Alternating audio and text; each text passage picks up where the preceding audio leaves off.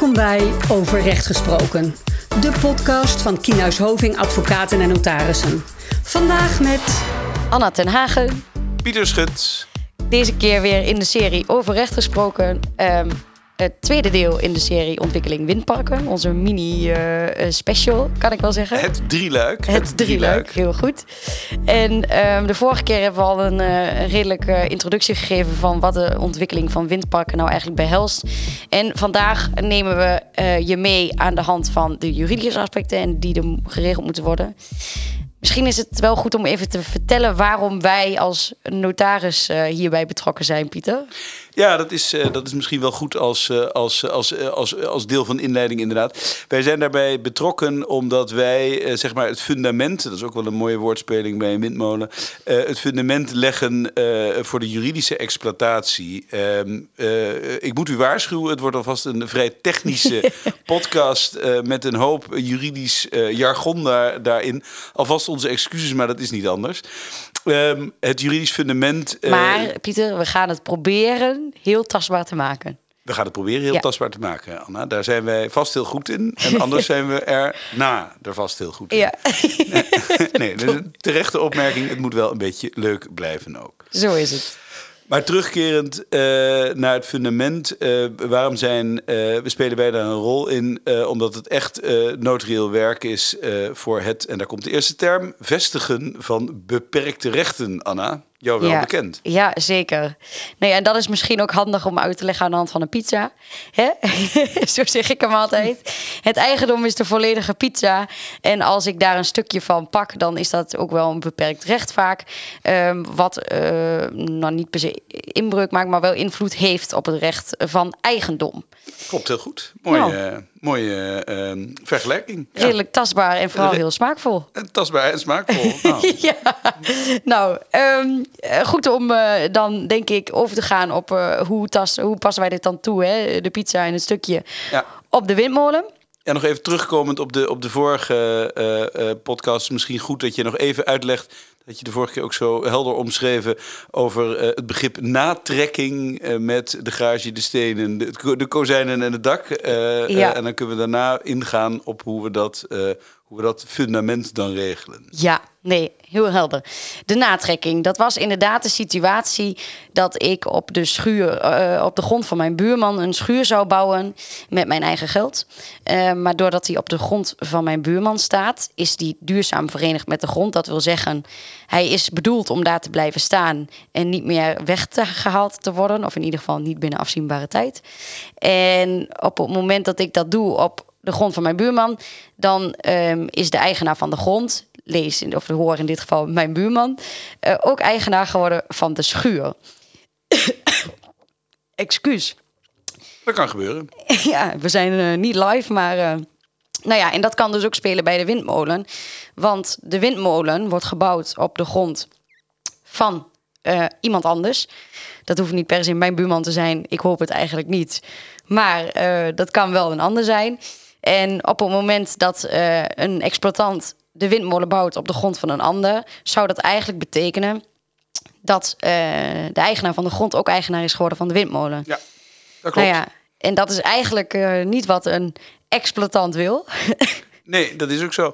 Um, wij uh, spraken de vorige keer al over de, wat je zo mooi noemde, net de cliffhanger, uh, de waarde van de windmolen. Daar komen we in de derde, in de derde uh, deel in de podcast op, op terug. Dus die blijft nog even boven de markt hangen. Maar ik kan alvast een tipje van de sluier opleggen. Die is wel dermate groot dat het wel zinvol is om te zorgen dat die waardeaangroei niet bij de grondeigenaar plaatsvindt. Om het zo maar even te zeggen, door wat je zo mooi zei, de duurzame vereniging. Ja. Dus de vraag is, hoe kunnen we de duurzame vereniging doorbreken, uh, Anna? Ja, en dan krijgen we inderdaad het kleine pizza-stukje waar we net al over vertelden. We moeten het denk ik zo zien dat de pizza in dat geval uh, de hele grond is. En dat het kleine stukje daarop um, een zogeheten recht van opstal. En wees maar niet bang, dit is alleen een juridische term. Maar dat zorgt er eigenlijk voor dat de schuur of de windmolen die ik bouw op de grond van een ander niet eigendom wordt van de grond van de ander. Dat klopt, dat klopt. Een recht van opstal, en dan wordt het weer een klein beetje technisch, uh, is een beperkt recht. En uh, nou, in het pizza-voorbeeld van, uh, van Anna is dat een groot stuk van de, van de pizza en de pizza, hè, de, de, de alomvattende eigendom.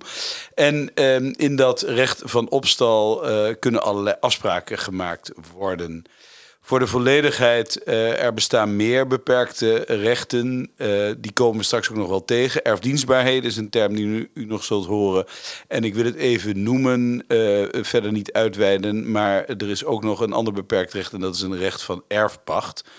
Dat wordt veelal niet gebruikt. En ik laat het alleen even bij deze omschrijving.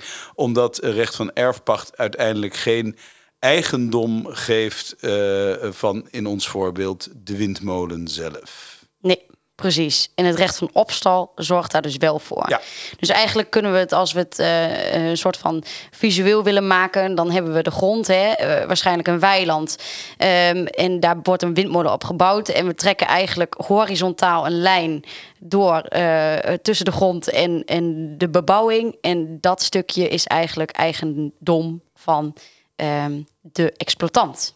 Dat klopt. Uh, met dien verstande dat als je die lijn trekt, dat het, he, de ondergrond van de, van de opstal, we noemen dat wel bloot eigendom, die blijft gewoon in eigendom van uh, de grondeigenaar. Ja, oké. Okay. Ja, dus dat. de bebouwing, die, um, dat is zeg maar de grens. Ja, dat, is, dat kun je als een soort grens zien. Alles wat daarboven is dan, van de, uh, is dan van de exploitant.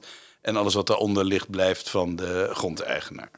Oké, okay, nou en jij vertelde net al even, hè, uh, het is natuurlijk wel vreemd dat we alleen dit regelen en verder eigenlijk niks anders. Dus um, er zijn natuurlijk ook situaties denkbaar dat je, dat je in elk geval van die windmolen af wil. Of um, in ieder geval de grond weer wilt gebruiken zoals je dat voorheen wellicht uh, gewend, gewend was. Ja. Nou ja, daar uh, kun jij wellicht wat meer over vertellen. Ja, er zijn allerlei, um, er zijn allerlei vormen. Misschien is het goed uh, dat we nog heel even eerst teruggaan naar um, de grondeigenaar. Want die speelt in deze podcast nu nog een wat ondergeschikte rol. We hebben het telkens over de exploitant die wat moet verkrijgen. maar Anna, staat er dan niks tegenover voor de grondeigenaar? Of... Nou, dat hoop ik wel, hè? Nee, um, dat hoopt de grondeigenaar ja. ook, denk ik. nee, over het algemeen uh, wordt er een retributie afgesproken. Nou ja, die retributie is eigenlijk niks meer dan een vergoeding voor het feit dat um, een grondeigenaar zijn grond ter beschikking stelt. En dat is niet helemaal waar, maar wel uh, feitelijk zo, om daar een windmolen op te bouwen. Nou ja, die retributie, dat is een, uh, een vergoeding voor de grondeigenaar voor dat stukje grond. En daarin um, um, ja, wordt eigenlijk bepaald wat de exploitant verschuldigd is voor het gebruik van dat recht van opstal.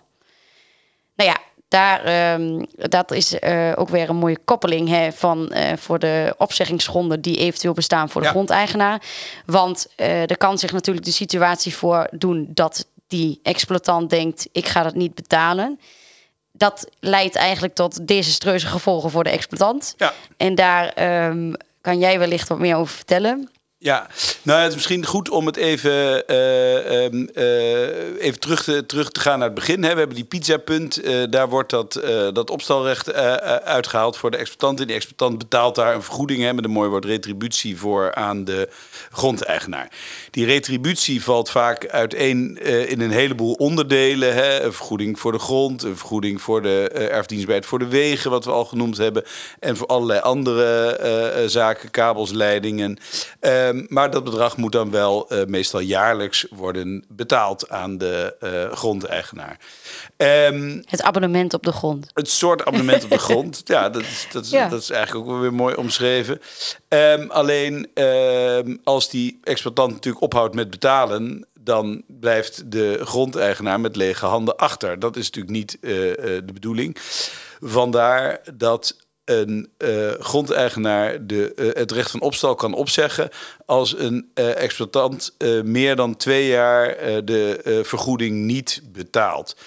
En het is goed om daar even bij te zeggen dat zo'n opstalrecht zo'n beperkt recht, niet al te makkelijk moet worden uh, kunnen opgezegd. En waarom niet? Omdat dat uh, de, uh, het rustige rechtsverkeer in het vastgoed in de weg zit. Met andere woorden, zo'n windmolen, we gaan nog vertellen hoeveel, kost heel veel geld.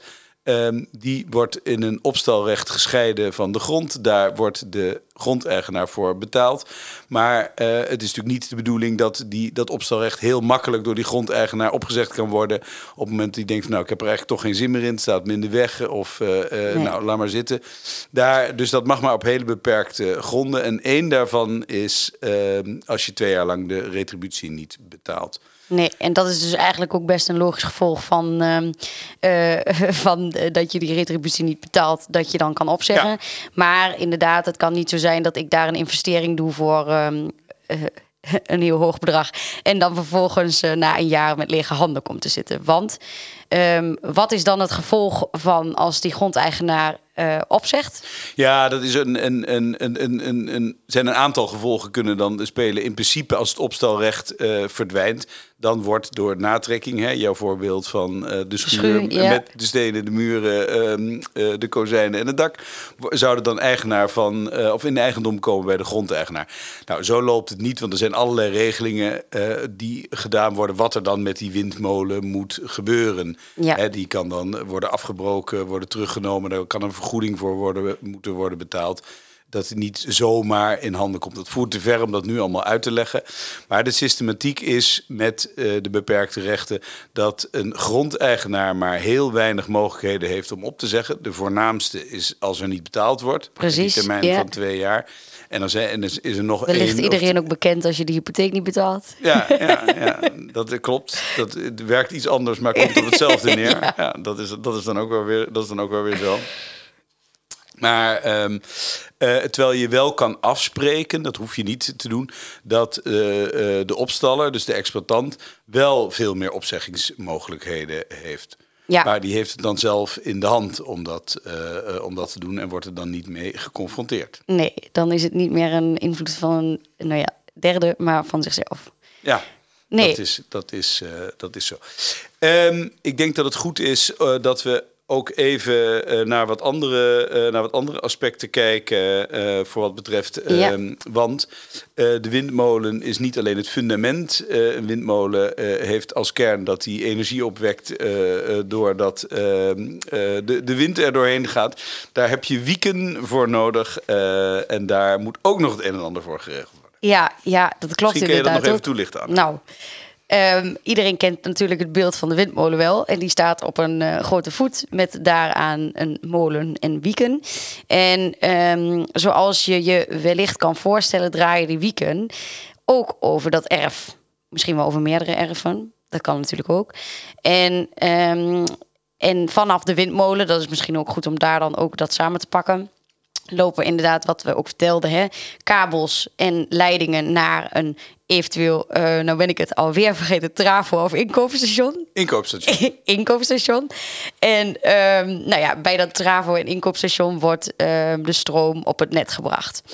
En um, wat daarbij uh, wellicht um, goed is om te vermelden, is dat dat natuurlijk ook over de grond van een ander gaat. En wat we dan ook daarin niet willen bewerkstelligen, is dat um, die uh, kabels en leidingen, maar ook de wieken, dat daar een soort van verwarring ontstaat over wat, uh, wat daarmee gebeurt. Dus wat doen we dan? dan regelen we eigenlijk, dat noemen wij een erfdienstbaarheid. Maar um, even in um, makkelijke taal gezegd, is dat eigenlijk dat je afspreekt met de eigenaar van de grond dat hij moet dulden. Zo noemen wij dat ook wel, toestaan dat uh, die wieken over zijn grond uh, slaan, of hoe, hoe noemen we het, draaien, en dat de kabels en leidingen in zijn grond liggen. Um, dat is eigenlijk de kern van een erfdienstbaarheid. Uh, dulden of een niet doen mag het ook zijn. Um, maar daar um, regelen wij dan, uh, dat is ook een aparte, of aparte, maar dat is ook een notariële akte, een beperkt recht, wat Pieter al zei. Heel goed, een beperkt recht. Een beperkt recht. En uh, dat maakt dus ook in die zin inbreuk op die grote pizza. Alleen is dit een iets kleiner stukje dan het recht van opstal. Hè? En dat is dan wat wij ook vastleggen in een notariële akte. Um, ja, Ja, je moet het eigenlijk zo zien. Het verschil, en dan wordt het weer even een beetje technisch. ehm, Gelukkig het- doe jij de technische gedeeltes deze keer en mag ik me het visuele doen. ja, ik weet, niet, ik, weet niet, ik weet niet of men daar gelukkig van wordt. Nee, we- ja. kunnen we een evaluatietje met de luisteraars houden. En nadien, eh, dus, Ja. eh, nou, misschien dat dit de uitnodiging is dat u er nog wat commentaar op kan geven als u dit hoort. Of het wel of niet te technisch is. Maar het verschil is dat het opstalrecht zelf is een beperkt recht. Dat geeft een vorm van eigendom van die windmolen. En de erfdienstbaarheid voor wiekoverslag. Hè, dat zijn de wieken die draaien over de grond. Meestal is die ook van de, van de grondeigenaar. Kan nog een sloot van de gemeente of eh, Rijkswaterstaat tussen, tussen zitten of iets dergelijks. Dat is meer een gebruiksrecht eh, eh, van die grond. Wat wel de voordelen van het beperkte recht heeft, namelijk dat als je eh, de molen zou leveren aan iemand anders, dat dat, eh, dat, dat gebruiksrecht, dat die wiekoverslag meegaat als erfdienstbaarheid. Dat is het voordeel van beperkte rechten als zakelijk recht. Maar zo moet je het een beetje, eh, zo moet je het een beetje zien. Ja, nee, nou helder denk ik. En ehm, zoals we al zeiden, hè, dat is dan ook een notariële akte waarin we dan ook ehm, diverse Ja. situaties ook in vastleggen. Hè? Want we kunnen ons denk ik allemaal wel voorstellen dat die kabels in de grond het ook niet altijd hoeven te doen. Eh, en dat daar wellicht reparatie aan nodig is of onderhoud aan Ja. nodig is. Dus dat soort aspecten kunnen ook geregeld worden hè, in die erfdienstbaarheid. Ehm, ik denk dat dat ook goed is om te weten voor de luisteraar dat daar eh, ook inderdaad ehm, altijd voorzieningen voor worden getroffen. En ehm, dat is wel grappig dat jij mij daar net nog even op wees, Pieter. Is dat eh, voor kabels en leidingen niet per se geldt dat dat gegoten hoeft te worden in, zoals wij dat noemen, de erfdienstbaarheid. Nee. nee, ook daar is weer, om het eh, nog wat ingewikkelder te maken... ook daar is een, een recht van opstal voor. Dat heet eh, de registratie van een netwerk. En een netwerkregistratie ehm, eh, is dat het netwerk, wat het ook zegt, geregistreerd wordt bij het kadaster. En dan is het weer, eh, ja, dan heet het weer een opstalrecht eh, voor de liefhebbers onder ons, lid 2 van artikel eh 5, meen ik. Ehm, die, ehm, eh, die, die, die dan weer die, die eigendomssituatie regelt. Je hebt dan wel vaak eerst de erfdienstbaarheid nodig. En eh, waarom? Omdat als je een erfdienstbaarheid gevestigd hebt als exploitant op de kabels en leidingen, dan word je, zoals het in de wet heet, wel bevoegd aanlegger genoemd. En een bevoegd aanlegger kan alleen een netwerk registreren. En dat netwerk wordt pas geregistreerd als de kabels en leidingen er daadwerkelijk liggen. En dat is veel later dan dat het opstalrecht wordt gevestigd Ja. voor de windturbine. Omdat dat natuurlijk voor de bouw wordt gevestigd. Want dan begint de investering te lopen. Ja, dus ehm, als ik het even goed samenvat, eigenlijk moet ik alsnog eerst een erfdienstbaarheid vestigen. Hè? Dat Ja. wat ik dulde niet doen, wat we net uitlegden, om überhaupt eh, als aanlegger te kwalificeren, waardoor we dus wellicht dat opstalrecht kunnen vestigen. Dus dat is denk ik goed. Ehm, nou, ik weet niet of wij nog ehm, eh, dingen missen. Nee, nou niet, niet echt. Misschien goed om bij die erfdienstbaarheden nog even te zeggen. Jij noemde het al, eh, eh, al even. Hè, er moeten allerlei dingen geregeld worden. Bij die kabels en leidingen, daar moet je natuurlijk altijd bij kunnen. Dus wat er bepaald wordt, is dat er niet te veel opgebouwd mag worden. In ieder geval geen, zoals dat mooi heet, gesloten wegdek. Want dan kun je er niet meer bij als je er een betonnen weg overheen legt. Zonder die betonnen weg eh, te, te, te slopen. Ehm, eh, dus dat soort voorwaarden worden, eh, worden, worden dan gesteld. En daar hebben we het in het begin bij het eerste deel ook al over gehad. Het is misschien goed om dat nog even te herhalen. Die erfdienstbaarheden die wij vestigen, dat doen we niet alleen voor de kabels en leidingen en niet alleen voor de wiekoverslag. Maar dat doen we ook voor eh, alle wegen. En die hadden we toen al gesplitst in twee Ja. soorten wegen. Namelijk de permanente weg om de windmolen te bereiken en te kunnen onderhouden. En de bouwwegen ja. die er zijn. En die laatste zijn meestal tijdelijk, want die zijn dan eh, eh, een, jaar, nodig. een jaar Ja. nodig voor de bouw en ook weer bij de, bij de sloop. En om het nog interessanter te maken, heb ik laatst Nou, nou, een, nou. een windmolen bij een ontwikkeling ook nog ehm, ehm, een ehm, erfdienstbaarheid gevestigd waar de wieken neergelegd konden worden als eh, gebouwd werden of onderhouden, omdat dat in een industrieel Ah. bebouwd gebied was, dat er altijd wel ruimte was. En die dingen zijn natuurlijk enorm. ja, die heel wieken. groot. Je komt ze onderweg nog wel eens tegen. Op zulke grote vrachtwagens. Precies. Ja, precies. Ja. En die moet je dus natuurlijk wel ergens, eh, hè, die leg je niet zomaar in de achtertuin. Althans, ja, jij, jij woont, la- Liever jij woont, niet. Jij woont landelijk. Ja, Jij ja. woont landelijk. Ja, je had net al een klein niveaatje van ik hoop niet dat mijn buurman een windmolen bouwt. Ja, precies, Dat is ja. natuurlijk niet... eh, Niet de bedoeling. dat komt de ontwikkeling natuurlijk niet eh, ten goede. Maar dat terzijde. Dus, Dus die eh, ging nog wat verder. Zo kunnen we het eigenlijk ging- zeggen. Ja, die ging nog wat, nog wat verder. En Ja. het is natuurlijk niet... ehm, eh, eh, het het moet ook wel dat je dat regelt. Want als je die wieken niet even neer kan leggen... je kunt ze ook niet meteen vanaf de vrachtwagen op de Op de windmolen, plakken. Dus Nee. het klinkt vergaand, maar het is toch wel van essentieel belang. Ja. Nou, dat nog even ter, aan, ter aanvulling voor de Ja. Nou ja, ik denk inderdaad eh, dat we eh, langzaamaan naar ons eh, slot moeten gaan. Ja. En concluderend kunnen we eigenlijk wel stellen dat eh, wij de windmolen zoals wij hem zien staan in wellicht een weiland langs de snelweg, dat dat niet in zo 1, 2, 3 is geregeld. Er gaat natuurlijk een heel proces aan vooraf. Maar ook een proces waarin dus deze juridische aspecten in ieder geval goed moeten zijn vastgelegd. Absoluut. Zodat daar niet eh, over een paar jaar als, eh, zoals wij dat zeggen, gedoe is. Ik wou het eigenlijk iets minder gechangeerd. En, ehm, Gedoe is nooit goed. Nee, nee, gedoe moet je niet willen. Ehm, dus daarom is het ook leuk dat wij altijd in zo'n vroeg voorstadium daarbij betrokken zijn. Hè? We, er wordt vroeg met ons geschakeld, ook over wat er geregeld moet worden en waar. Ehm, nou ja, kortom. Natrekking hebben wij eigenlijk het opstalrecht voor. En ehm, voor alle aanverwante zaken, zoals ik het maar mag zeggen, de kabelsleidingen, wind, eh, wiekoverslag, traverhuisje, regelen we vaak alles met een, of alles, maar regelen we het vaak in een erfdienstbaarheid. Ja. Ehm, ja, nog toevoegingen, Pieter. Nee, Anna, dankjewel. Hel helderder dan Ja. dit kan ik het niet samenvatten. Dankjewel. Nou, fijn. De volgende keer dus eh, de financiële aspecten daarvan met de grootste cliffhanger van allemaal.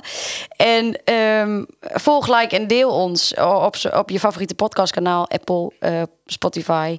Of, eh, en like en deel ons op Instagram. Dankjewel. Ja, jij ook. Dit was Overrecht Gesproken, de podcast van Kienhuis Hoving. Heb je vragen of wil je meer informatie? Stuur dan een e-mail naar podcast.kienhuishoving.nl Wil je niets missen? Abonneer je dan op onze podcast via jouw favoriete podcast-app.